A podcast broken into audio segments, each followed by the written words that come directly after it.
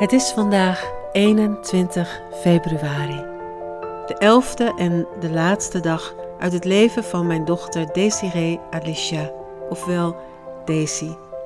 De dag dat zij haar weg naar het licht vervolgde en mij achterliet met de rijkdom van alles wat ze me gegeven had in haar korte leven. Ik was weer zo vroeg mogelijk naar de IC gekomen, maar trof daar een aantal artsen rond haar bedje aan. Er stond een heel groot echoapparaat naast hen waarmee ze haar aan het onderzoeken waren.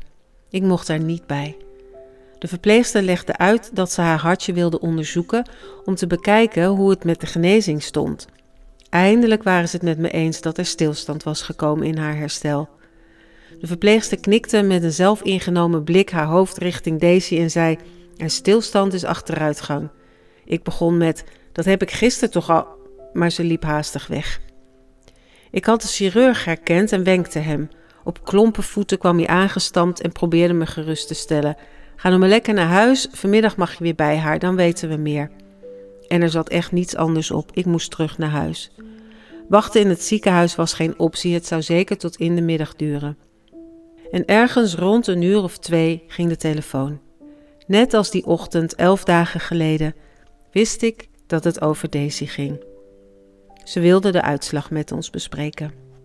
Meer zeiden ze niet, maar er trok een donkere mist rond mijn hart. Tien dagen geleden, toen ze naar het WKZ was vertrokken, was het een zonovergoten dag geweest. Maar op deze dag, de 21 februari, viel zacht de sneeuw uit de hemel.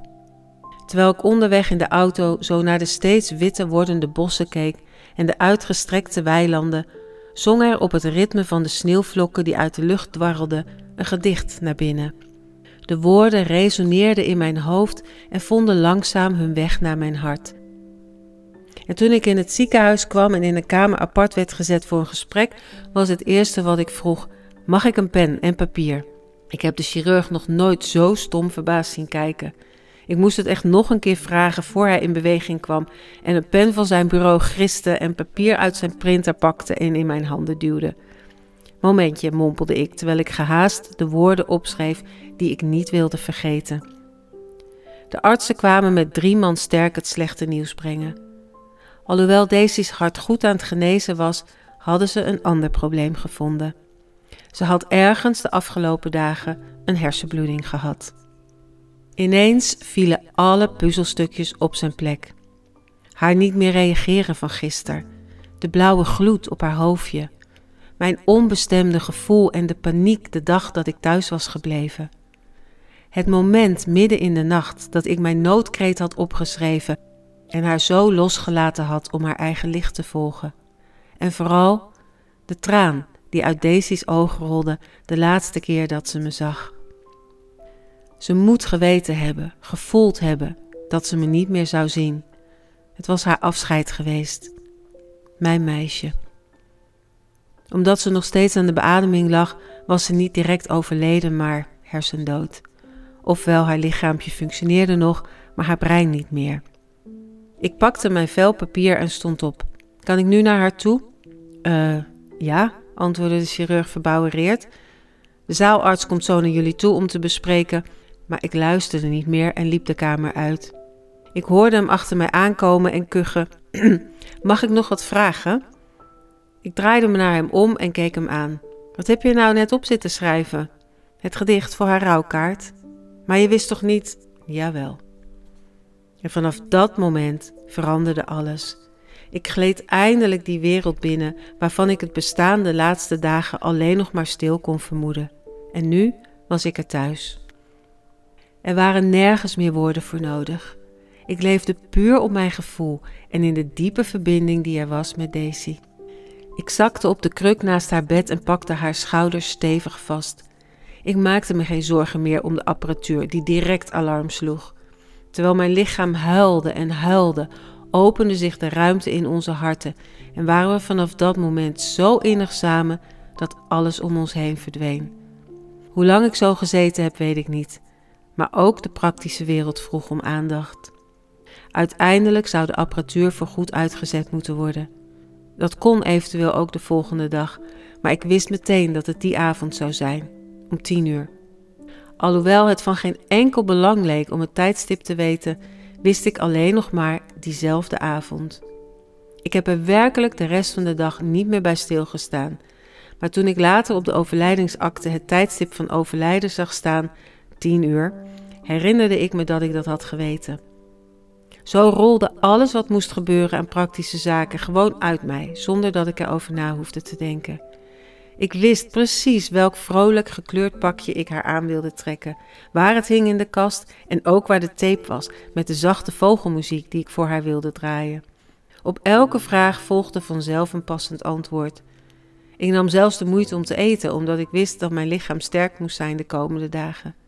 De tranen bleven komen, ook vanzelf, maar mijn geest was opmerkelijk helder en in verbinding met alles wat er gebeurde. Die avond zaten we hand in hand aan haar bed.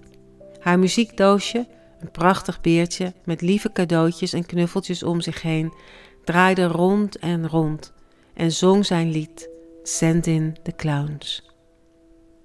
De tape met de fluitende vogeltjes op lieflijke klanken vulde die avond de IC. Ik fluisterde zacht in haar oor: Vlieg maar mee met die vogeltjes, lieve schat, je bent vrij om te gaan. Maar pas toen wij er klaar voor waren, kwam ineens dat gevoel dat er iemand achter aan mijn nek trok. Heel zacht, heel liefdevol. Ik wist meteen dat het tijd was. Ze wilde gaan. En toen ik dat zei, voelde iedereen dat het klopte. De zaalarts was al die tijd in de buurt gebleven, samen met een waanzinnig lieve broeder die ik eeuwig dankbaar ben. Hij was een van het verplegend personeel geweest die zo graag voor Daisy had gezorgd en haar liefde had gevoeld. Toen het moment kwam dat de apparatuur uitgezet moest worden, maakte de zaalarts er ineens een punt van van het feit of het een actieve of passieve euthanasie zou zijn. Dus moesten we eerst de medicijnen uitzetten en daarna mochten pas de machines stopgezet. Maar toen de medicijnen werden stopgezet, zag ik haar lichaam zieker en zieker worden. Het was heartbreaking en echt bijna niet uit te houden. Ik keek die broeder wanhopig aan, maar ik had buiten Daisy gerekend. Ze had hem niet voor niets aangeraakt. En hij stond niet voor niets deze avond letterlijk achter mij. Hij bedacht zich geen moment en mompelde: Actief of niet, dit doen we niet zo. Hij maakte één voor één de slangen los, pakte Daisy op en legde haar tegen haar vaders borst aan. Zo hadden we het afgesproken. En zo, dichtbij en omringd door liefde, liet ze met haar laatste adem deze wereld los. Ze liet haar lichaam los. En ik voelde hoe de druk in mijn nek zich bevrijdde. En even had ik het gevoel mee te vallen in die oneindige ruimte van licht en liefde. En toen werd het stil. De vogels floten niet meer. De machines piepten en kraakten niet meer. Haar hartmonitor klopte niet meer en de clowns uit haar muziekdoosje waren vertrokken.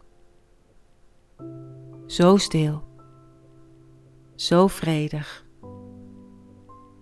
zo zacht, zo oneindig, zo vol licht. Wat was ik dankbaar dat ik haar nog één keer mocht verzorgen. Ik had haar wel vastgehouden die eerste dag en gevoed, maar verzorgd had ik haar niet. Voelde het wrang dat ik dat nu pas kon doen nadat ze overleden was? Nee. Het voelde als een eer.